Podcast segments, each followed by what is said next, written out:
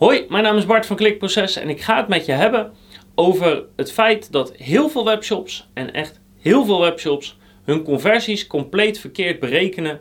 En ik ga je vertellen hoe je het wel moet berekenen om te zorgen dat je op goede omzetcijfers uitkomt, op goede winstmarges, op goede berekeningen, zodat je jouw webshop veel beter conversiegericht kan gaan sturen op de onderdelen die geld opleveren in plaats van dat ze geld kosten. Dus ik ga je precies vertellen wat dan het grote probleem is op dit moment bij veel webshops, waarom dat zo belangrijk is en natuurlijk hoe je dat beter maakt. Dus laten we even beginnen bij het begin. Wat is een webshop conversie precies?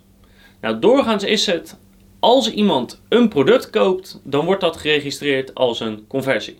Dus als hij een product heeft aangeschaft, hij heeft het betaald en hij is op de bedanktpagina uitgekomen, dan wordt dat geteld in Google Analytics bijvoorbeeld. Dus alle aankopen bij elkaar opgeteld, ongeacht de orderwaarde of de marge of de producten, dat is normaal gesproken je conversiepercentage en je totale conversies. Nou, dat kan je opsplitsen in heel veel manieren. Per product, per productgroep, um, uh, per prijs van het product zelf. Dus bijvoorbeeld 0 tot 10 euro, 10 tot 20, 20 plus bijvoorbeeld. En je kan het opsplitsen in merken. Nou, er zijn talloze manieren om die conversies op te delen. En meestal gebeurt dat ook, zeker als je uh, berekeningen maakt met of het goed gaat qua marges en qua winst, et. Maar dat is in de basis wat een conversie van je website is en wat eventueel de conversie van bepaalde groepen kan zijn. Nou, de reden waarom het meten van die conversies en het goed bijhouden van zo belangrijk is, is heel simpel. Je wil gewoon weten wat welk resultaat oplevert. Dus uiteindelijk wil je precies weten op welke manier wordt er winst gemaakt in onze webshop en waar is dat naartoe terug te herleiden. Komt het uit bepaalde productgroepen? Komt het uit bepaalde uh, klanten? Komt het uit bepaalde merken? Hoe beter je dat terug kan leiden, hoe beter je kan optimaliseren voor de gedeeltes die het goed doen. Of andersom, juist de gedeeltes gaan optimaliseren die het nog niet goed doen, maar goed zouden moeten doen. Dus tot zover op zich geen probleem. Dit zijn voor heel veel websites en shops uh, standaard instellingen, wat over het algemeen wel wordt ingesteld. Maar daar is dus één groot probleem mee. En het grote probleem is dat in deze berekening heel veel kosten niet worden meegenomen, waardoor die conversies of uiteindelijk zeg maar de omzet en de winstberekening heel anders is dan de, hoe je die in eerste instantie bijvoorbeeld in Google Analytics ziet.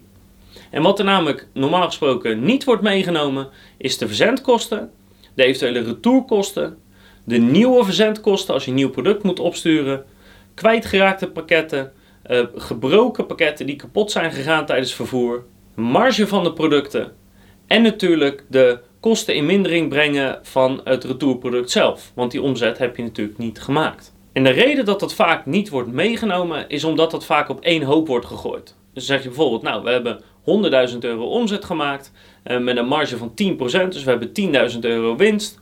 En uh, de retouren en de verzendkosten en alles gooien we op één hoop. En dan halen we dat er vanaf en houden we 3000 euro over. Nou, helemaal goed, zijn we allemaal blij. Maar dat kan veel beter en veel slimmer. En dat zou dus eigenlijk ook veel beter en slimmer moeten. En ik zal je dus uitleggen hoe je dat kan doen. Want het probleem is dus dat je eigenlijk één groot gemiddelde gaat krijgen voor je hele shop. En daar heb je niks aan. Dus je moet dat gaan segmenteren. Nou, het segment wat je moet gebruiken, dat kan ik je niet vertellen, want dat is voor elke webshop anders. Maar je kan het bijvoorbeeld per product of per productgroep of per productcategorie of subcategorie kan je dat doen. Je kan het indelen op prijzen. Dus we pakken alle producten die binnen bepaalde prijsrange vallen. Je kan ook zeggen, we doen het per doelgroep. Dus we pakken alle producten die voor een bepaalde doelgroep zijn. Dus uh, alles voor kinderen en alles voor volwassenen. Dus er zijn heel veel manieren om dat te doen. Uh, dat laat ik even aan jou over. Meestal gebeurt het zo dat je het indeelt per productcategorie uh, of subcategorie. Vanuit allerlei praktische redenen. Heeft ook met inkoop et cetera te maken. Maar wat je dan vervolgens doet, is dat je gaat berekenen van oké, als we deze producten moeten versturen, wat zijn dan doorgaans de verzendkosten? Want van niet van alle producten zijn de verzendkosten hetzelfde. Sommige kosten bijna niks, sommige kosten 2 euro, sommige kosten 6 of 7 euro, sommige nog wel meer. Dus breng in kaart wat de verzendkosten zijn per productcategorie. Daarnaast moet je gaan berekenen hoeveel procent binnen deze productgroep wordt geretourneerd doorgaans. Kijk, bij fashion ligt het retourpercentage vaak wel op 50% ongeveer. Dus gigantisch. Maar het zou in theorie kunnen dat broeken wel 80% van de tijd worden geretourneerd en truien en vesten maar 20% van de tijd. Dus het is heel belangrijk dat je kan kijken of in kaart kan brengen wat voor soort producten worden nu veel geretourneerd. Zodat je die kosten van die retourzendingen en de mindering van de productwaarde op de omzet aan de goede categorieën kan toewijzen. Als mensen vaak een product omruilen, kan je meteen de nieuwe verzendkosten meetellen. Of dan kan je bijvoorbeeld zeggen, nou, um, gemiddeld genomen wordt uh, 1,2 van de tijd wordt er twee keer verzendkosten berekend. Dus op die manier kan je extra verzendkosten kan je, kan je meenemen, omdat een artikel vaak geruild wordt bijvoorbeeld. Diezelfde manier van uitsplitsen kan je ook toepassen op producten die vaak kapot gaan tijdens transport, of die vaak kwijtraken misschien. En tenslotte moet je natuurlijk duidelijk in kaart hebben van een productgroep of categorie of hoe je het ook indeelt, wat de bruto marges zijn van dat product. En als je al die dingen in een formule zet, en er is geen vast iets voor, je kan dat in theorie in Google Analytics verwerken. Je kan het via Excel sheets doen. Je kan het via, uh, via AFAS, via Exact doen. Dus er zijn heel veel manieren om dat te doen. Maar weet dat dat de cijfers zijn die je nodig hebt om te berekenen: wordt er nu iets verdiend of niet? En hoe beter je dat kan uitsplitsen, hoe specifieker je het kan maken, hoe duidelijker je in kaart kan brengen welk deel van je assortiment nu eigenlijk het meeste geld oplevert. En dan kan je jezelf daarbij altijd de vraag stellen: wil ik bijvoorbeeld meer gaan doen van hetgene wat veel oplevert?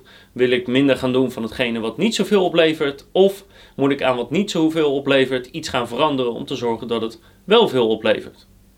Wat zelfs een conclusie kan zijn, is dat bepaalde klantgroepen, en dat hebben ze bij Zalando bijvoorbeeld gedaan, dat die misschien niet zoveel meer mogen bestellen of niet achteraf mogen betalen of geen gratis verzending meer hebben. Bij Zalando zijn ze op een gegeven moment klanten gaan weren, omdat ze gewoon wisten dat bepaalde klanten gewoon eigenlijk altijd alles retourneerden, of 95% in elk geval. Dus als je die data hebt, dan pas kan je zien wat nu echt winstgevend is voor je webshop en daar kan je op acteren. En wat die keuze wordt, dat is helemaal aan jou. Dus dat is het grote probleem met het bekijken van conversies via Google Analytics. Je denkt misschien dat een AdWords campagne of een SEO campagne heel goed gaat omdat het heel veel omzet oplevert of veel orders oplevert. Maar eigenlijk weet je dat helemaal niet. En dan komt er ook nog bijvoorbeeld bij dat bepaalde producten misschien wel een gemiddeld hoger orderbedrag hebben, een hoger bombedrag hebben, dat mensen de andere producten bijkomen. Dus al zulke soort dingen moet je in kaart brengen. En dan pas kan je zien wat nu echt het rendement is van bepaalde acties, van je nieuwsbrieven, van je social media, noem het maar op. En met die echte data, daar kan je goede beslissingen op nemen. En dat helpt je webshop om door te groeien en om op te focussen wat werkt. En zo snel mogelijk af te gaan van wat niet werkt.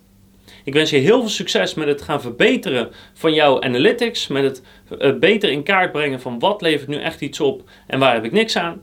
En ik zie je natuurlijk graag de volgende keer weer met nog veel meer advies over conversieoptimalisatie, over SEO, over YouTube en over voice.